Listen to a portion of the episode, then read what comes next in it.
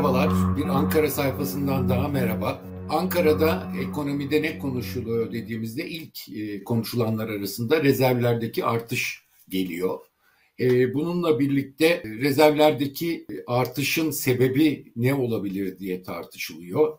E, BOTAŞ ödemeleri burada gündeme gelen konulardan biri.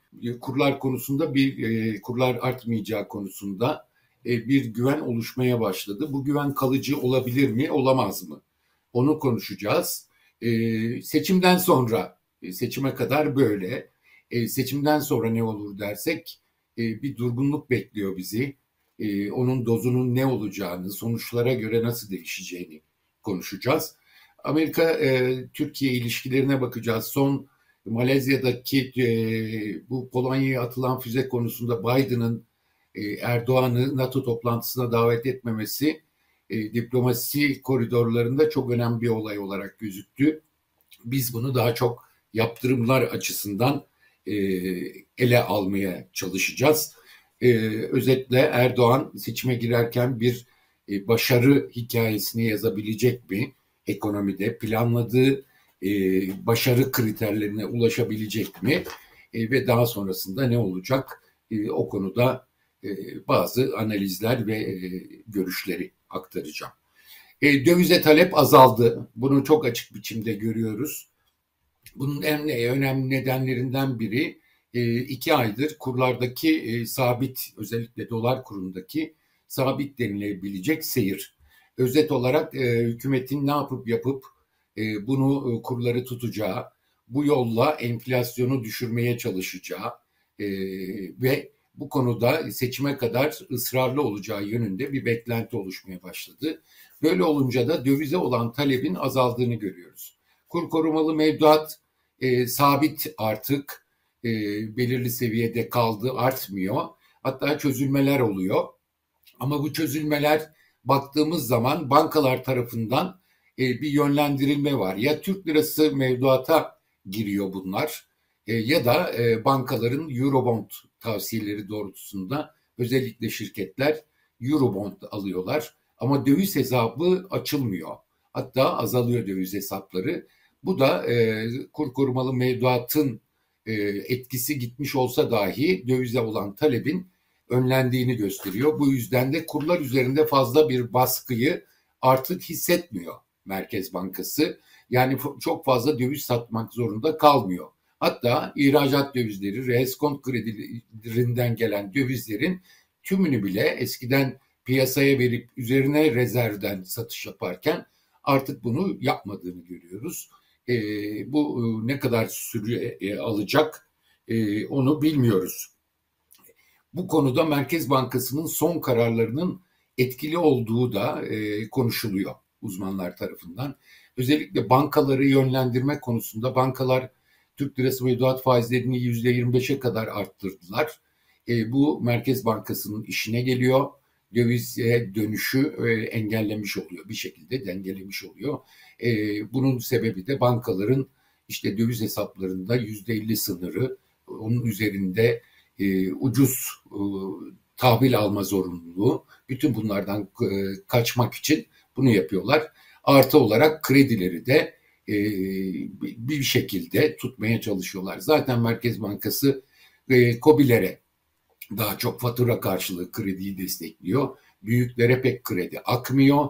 E, bankalarda e, böyle bir dönemde e, belirsizliğin olduğu bir dönemde uzun vadeli krediler vermeye de yanaşmıyorlar. Ayrıca kredi verdikleri zaman da zaten yükümlülükler çok ağır. Bu şekilde bakacak olursak e, kur artacak diye bir beklenti kalmadı. E, uygulanan politikalar nedeniyle bir başka unsur e, eskiden reel sektör e, dış borçlarını ne yapıp yapıp bir an önce kapatmayı istiyordu. O eğilimin de durduğuna işaret ediliyor. E, hatta Merkez Bankası'nın politikaları bir anlamda e, kurda istikrar var artık döviz borçlanabilirsiniz türünden bir yönlendirmeyi kapsıyor. Ee, bunu tüm olarak yeniden borçlanma olarak görmüyoruz ama eskisi gibi borçları bir an önce kapatmak eğilimi de artık kalmamış diyebiliriz. Kalmadı diyebiliriz. Bu da e, dövizi rahatlatan bir başka unsur oluyor. Şimdi 11 Kasım itibariyle son veriler çıktı. Ee, bir yıllık e, zirvesine ulaştı toplam rezervler. 117 milyar dolar oldu. E, brüt döviz rezervi 1,5 milyar dolar arttı. 76.6 milyar. Altın rezervi 2.4 milyar arttı. 40.9 milyar dolara çıktı. Burada elbette ki Euro'nun son dönemde değer kazanmasının çok önemli bir etkisi var. E, aynı zamanda altının değer kazanmasının da etkisi var. Merkez Bankası rezervlerindeki artış e, Euro ve altının değer kazanmasıyla bayağı e, ivme kazanmış gibi gözüküyor. E, altının değer kazanması, e, Euro'nun değer kazanmasının yanı sıra e, şimdi bu rakamlara bir buçuk milyar dolarlıkta 15 Kasım'da kasaya giren e, dış borç eklenecek. Bu da bu ölçüde e, şeye e, rezervlere yansıyacak. Yani bu haftada 18 Kasım itibariyle de bu iyileşmenin devam edeceğini açıkçası görüyoruz. E, ben hep söylüyorum e, merkez bankacıların baktığı veri kamu dahil swap hariç net rezervler. E, bunun bu konuda da 60 eksi 65 milyar doların kritik bir rakam olduğunu, aynen kur korumalı mevduatta olduğu gibi bu rakam aşıldığında yeni önlemlerin devreye girdiğini görüyoruz. Bu bir e, kural değil, eksi 65 milyar dolar ama psikolojik bir sınır olarak Merkez Bankası'nın göz önünde tuttuğu bir unsur. Şimdi bu rakama baktığımızda 25 Ekim tarihinde e, tarihi düşük seviyelere inmişti ve eksi 65.8 milyar dolara kadar bu rakam çıkmıştı. Ama 16 e, Kasım itibariyle 18'i değil ama 16 Kasım itibariyle uzmanların söylediği bu rakam e, eksi 58-59'a kadar e, inmiş durumda. Yani 7-8 milyar dolarlık bir iyileşme var. Bu nereden kaynaklanıyor? Rezervlerdeki artış nereden kaynaklanıyor? Hep diyorduk bir döviz girişimi var şeklinde. Bir döviz şimdi bir döviz girişi değil döviz çıkışının azalmasından söz edebiliriz ancak. Ee, yani biraz önce söylediğim gibi gelen zaten Merkez Bankası'na ihracatçı dövizleri satıp üstüne rezervden harcıyordu. Artık bu gelen e, döviz rezervlerin hepsini bile harcamak zorunda kalmıyor. O yüzden de e, bir miktar rezerve katkı geliyor. Euro ve altının değerlenmesinin yanı sıra böyle de bir katkı geliyor ve önemli bir e, dönemde son 15 günde 20 günde epeyce bir katkı e, sağlanmış durumda. E, peki bu nereden kaynaklanıyor? Döviz çıkışının azalması nereden kaynaklanıyor? Bu konuda daha önce 2-3 hafta önceden de söylemiştim. BOTAŞ'la ilgili şüpheler var. E, şöyle e, şirketlerin e, dış kredileri e, artıyor ve bu BOTAŞ'ın e, artışı olabilir diyorduk. Son açıklanan e, ödemeler dengesi e, rakamlarında bu çok bariz olarak kanıtlanabilmiş değil. E, ama BOTAŞ'ın ödemelerini bir süredir yapmadığı, 3-4 aydır e, gerekli harcama şeyleri, ödemeleri yapmadığı ve ötelediği yönündeki şüpheler giderek artıyor. Bu ne yolla yapılmış olabilir? E, Berat Albayrak döneminde 2018'de yapıldığı gibi e, ödemeleri ötelemiş olabilirler. Yani bir krediye de bağlamadan bunu karşılıklı anlaşarak ötelemiş olabilirler. 2018'de bu ötelemenin sonucunda ödenmeyen borçlar faiziyle birlikte Rusya'ya ödenmişti ve Rusya'nın bu konuda çok hassas olduğunu biliyoruz. Eğer zamanında ödenmezse buna faiz yürütmesi konusunda ama e, siyasi e, ilişkilere bağlı bir miktar göz yumduğunu da biliyoruz böyle bir şey yaşanıyor olabilir. E, bu yani rutin çıkışları, e, döviz çıkışlarını azaltmış olabilir ve döviz rezervlerine katkı buradan gelmiş olabilir. Büyük bir ihtimal olarak. E, aksi takdirde rakamlara e, bakıldığında e, çok yüklü işte Rusya'nın e, şey e, nükleer santrale yaptığı 6-7 milyar dolarlık giriş gibi bir girişler gözükmüyor. O yüzden de e, şüpheler daha çok BOTAŞ'ın ödemelerinin yapılmadığı yolunda. Şimdi burada e, daha önceden de ortaya çıkan söylentiler yeniden e, or, e, canlanmış gibi görünüyor. Neydi bunlar?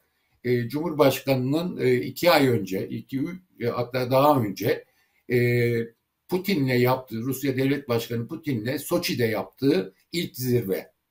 Buradan bu Soçi zirvesinden sonra zaten e, Rusya'nın 30-35 milyar dolarlık bir imkan sağlayacağı Türkiye'ye söylenmişti. Şimdi bu 30 milyar, 35 milyar dolarlık imkan kullanılmaya başladığını biliyoruz ama ne kadarın kullanıldığını bilmiyoruz.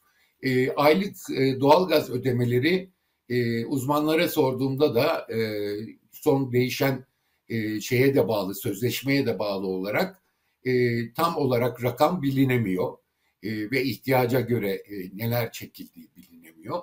İşte bu nedenle de bu 30 milyar dolar eğer varsa ve işliyorsa ne zamana kadar devam edecek, ne zamana kadar Türkiye'nin döviz çıkışlarını frenlemeye devam edecek bunu henüz e, görmüş değiliz. E, ama Şubat-Mart'a kadar bu 30 milyar doların devam edebileceği söyleniyor. Daha sonra yine bir seçime kadar imkan sağlanır mı belli değil. Ama e, şurası çok açık. E, seçimden sonra bu ödemeler çok yüklü miktarda e, devam edecek. Bu arada Enerji Bakanı yılbaşında zam yapılmayacağını açıkladı. Küresel doğalgaz fiyatları çok dalgalı, belirsiz ama biz zam yapmayacağız dedi. Bu seçime kadar zam yapılmayacak anlamı taşır ve buradan doğacak yük seçim sonrasına ötelenen yükün de çok daha ağırlaşacağı e, çok açıkça belli oluyor. Peki e, bu BOTAŞ e, imkanı olsa bile e, seçimlere kadar kurlarda bir sıkıntı olmadan gidilebilir mi?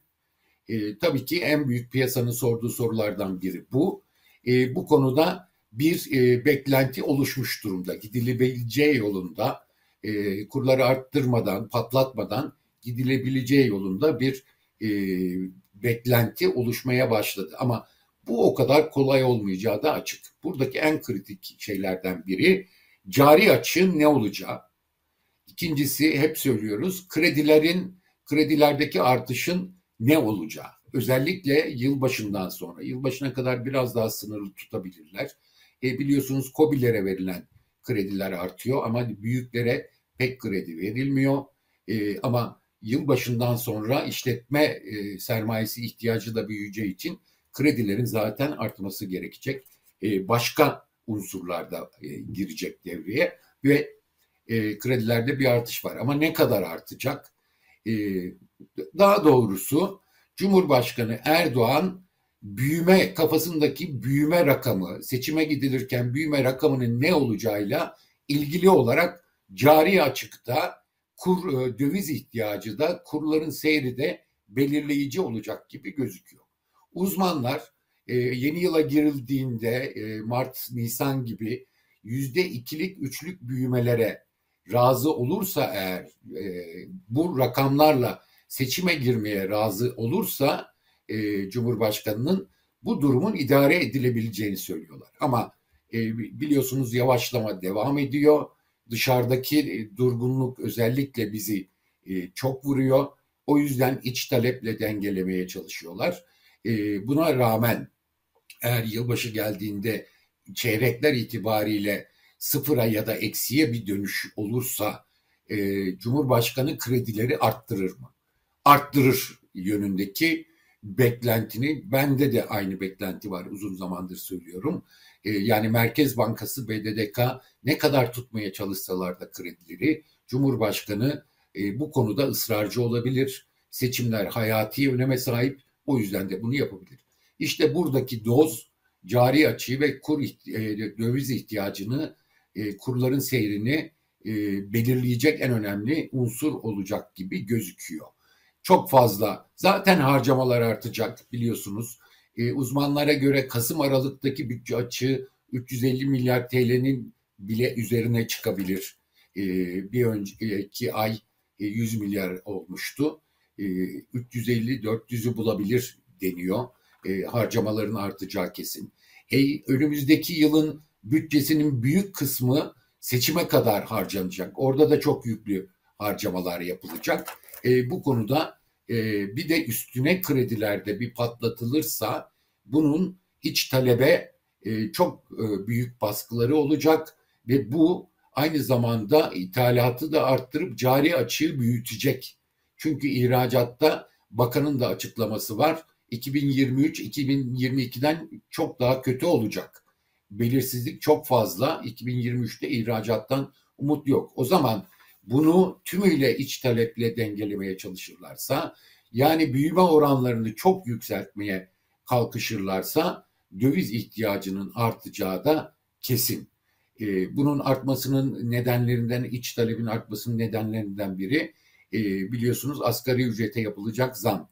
TİSK bu konuda tedirgin olmaya başladı. Yüzde 60-70'lik bir en az asgari ücret zammı bekleniyor piyasada. E, TİSK bunu dengelemeye çalışıyor.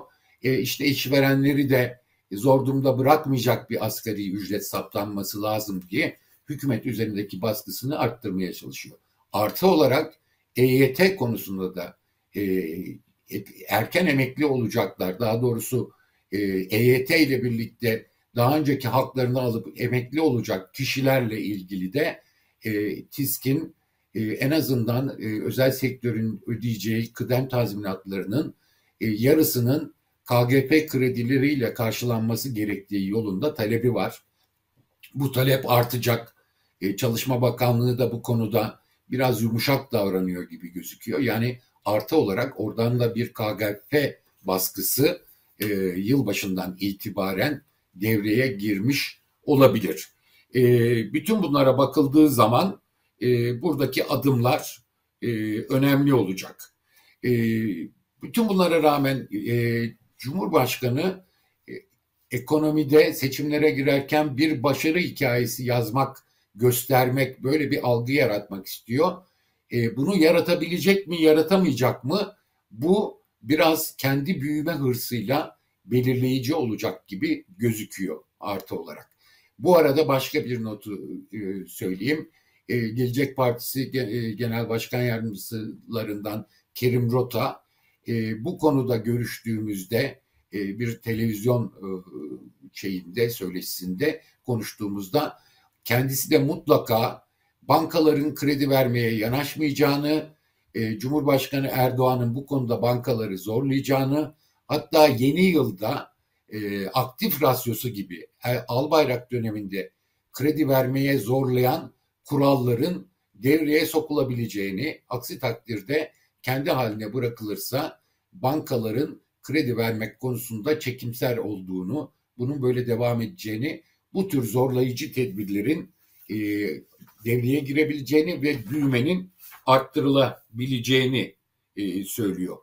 Peki bu durumda enflasyon ne olacak derken dersek e, bu da tartışmalı bir konu. Bazı uzmanlar e, seçime girilirken Mayıs ya da Haziran'da enf yıllık enflasyon oranlarının yüzde elli hatta bir e, miktar altına inebil, inebileceğini söylüyorlar. E, kurların sabit gitmesi halinde e, bunu olabileceğini söylüyorlar ama bunun yüzde ikilik üçlük büyümeye razı olduğu takdirde olabileceğini yüzde beş altı en az büyüyüm derse e, böyle bir hırsı ortaya koyup bunun e, kredilerde harcamalarda gereklerini yap yapılırsa bunda başarı sağlanamayacağını açıkça söylüyorlar. E, Kerim Rota'nın e, tahmini ise yüzde 60-65 oranlarında bir e, enflasyonla girilebileceği seçimlere e, bunun daha altına inemeyeceği yolunda e, Kerim Rota gibi bazı uzmanlar da e, önümüzdeki dönem enflasyonda beklenen düşüşün olmayacağını o yüzden yüzde 60'ın altına inmesinin çok zor olduğunu söylüyorlar. Özet olarak e, seçim sonrası e, seçime girildi. Bir kaza oldu ya da olmadı. Seçim sonrası ne olacak? Bu konuda her şeyden önce Kerim Rota dahil diğer e, altılı masalın ekonomik kurmaylarıyla konuştuğumuzda çok rasyonel bir bakış açısının ortaya konduğunu söyleyebiliriz. Yani e, seçime doğru öldük bittik kur patlayacak o öyle olacak bu böyle olacak gibi bir hamaset içinde değiller. Çok daha sağduyulu e, rakamları inceliyorlar ve bakıyorlar. E, eğer kurallara uyarsa ve bu döviz e, çıkışındaki e, azalma devam ederse seçime kadar kurlarda bir patlatma olmadan devam edebileceğini, biraz rezervleri zorlayarak buraya gidilebileceğini söylüyorlar. E, hamaset değil, rasyonel bir bakış açısının ortada olduğunu görüyoruz. Bu aynı zamanda önümüzdeki dönem uygulanacak ekonomi politikalarına da buradaki e, belirleyen şeylere de yansıyor. E, hemen hemen hiçbir görüş ayrılığı olmadığını altılı masada açıkça söyleyebiliyoruz. Aldığımız bilgilere göre hiç e, Kerim Rota'nın deyimiyle alt komisyonlara bile e, gerek duyulmadan bütün metinler ortak metin haline ekonomide getiriliyor. E, kaba olarak uygulanacak ekonomi politikaları konusunda ve bu e, ilerisi için önemli bir adım. Seçim sonrası ne olacak dersek ne olursa olsun kur patlasa da patlamasa da e, ortada bir açık bir e, durum var. Seçim sonrası tufan. Yani bu e, bunun tufan olduğunu harcamalardan e, işte efendim e, doğal gazda olduğu gibi elektrikte olduğu gibi sübvansiyonların artmasından e, kamu kuruluşlarının yıllık bütçelerinin şimdiden dolup aşıldığından önümüzdeki yıl harcamaların devasa boyutlara ulaşacağından anlıyoruz. Zamlar gelecek, çok yüksek oranlı zamlar gelecek, kaçınılmaz ve bir durgunluk yaşamamız bence kaçınılmaz. Bununla birlikte tabii ki zamlarla birlikte enflasyon yüzde 50 ya da 60'a inmiş olsun seçimde daha sonrasında mutlaka artacak. Çünkü şu uygulanan politikalar e, bunu zorunlu hale getiriyor. E, enflasyonda da artış olacak, kurlarda da artış olacak. Bu kaçınılmaz seçimden sonra. Peki bir durgunluk yaşanacak. E, bu durgunluk e, belki resesyon yaşanacak e, seçimden sonra. Boyutları ne olacak? Süresi ne kadar olacak? İşte bu noktada da çok açık biçimde e, gözüken bir şey var. E, eğer e, mevcut iktidar seçimde kazanır ve devam ederse hiçbir şekilde ekonomi konusunda güven yaratamadığı için bu durgunluğun uzun sürmesi kaçınılmaz. Faturanın çok daha büyümesi kaçınılmaz olacak. Ama altılı masanın e, hazırlıklarına bakarsak gerçekten rasyonel bir ekonomik politika ve yapısal tedbirler bir an önce devreye sokulmak isteniyor. Bu ortaya konursa özellikle faizlerde çok fazla artış yapma gereği ortadan kalkacak. Rasyonel bir ekonomik politikayla gördüğümüz kadarıyla artı durgunluğun süresi de elbette olacak.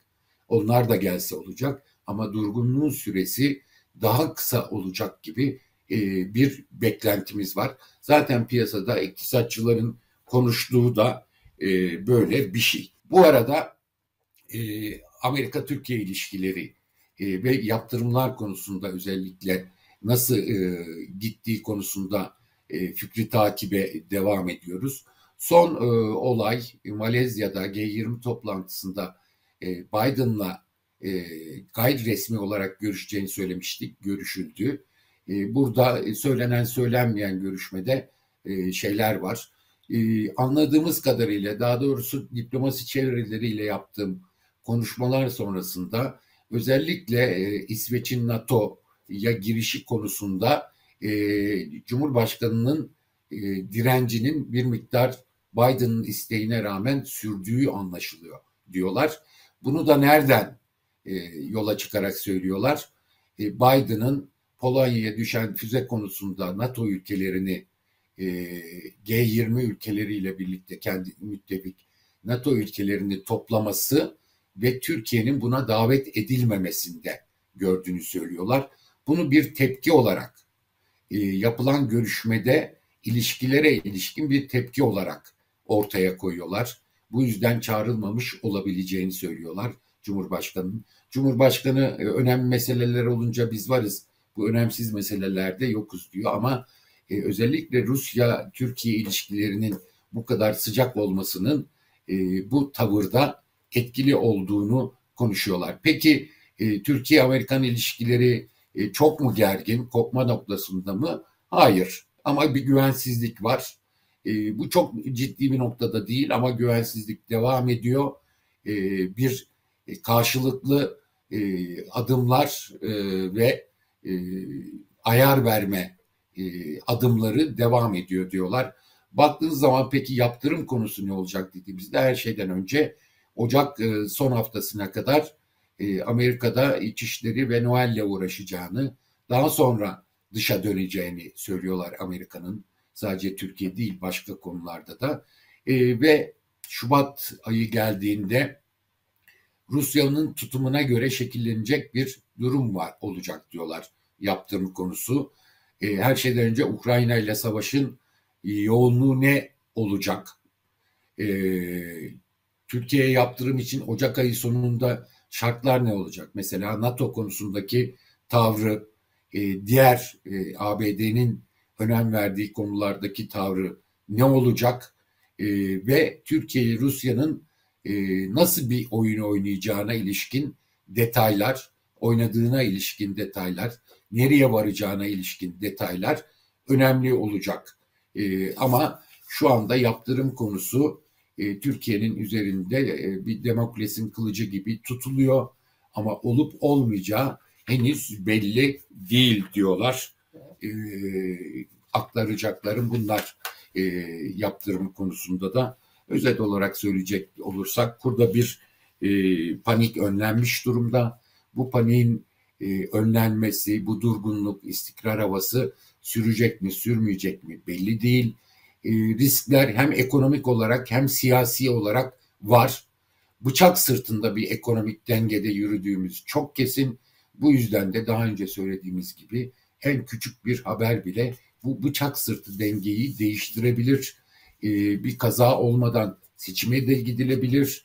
E, uygun ortam olursa ama her an bir kaza ihtimali de hala yüksek gibi görünüyor. Ankara'dan aktaracaklarımız bu kadar. O hafta tekrar görüşmek üzere.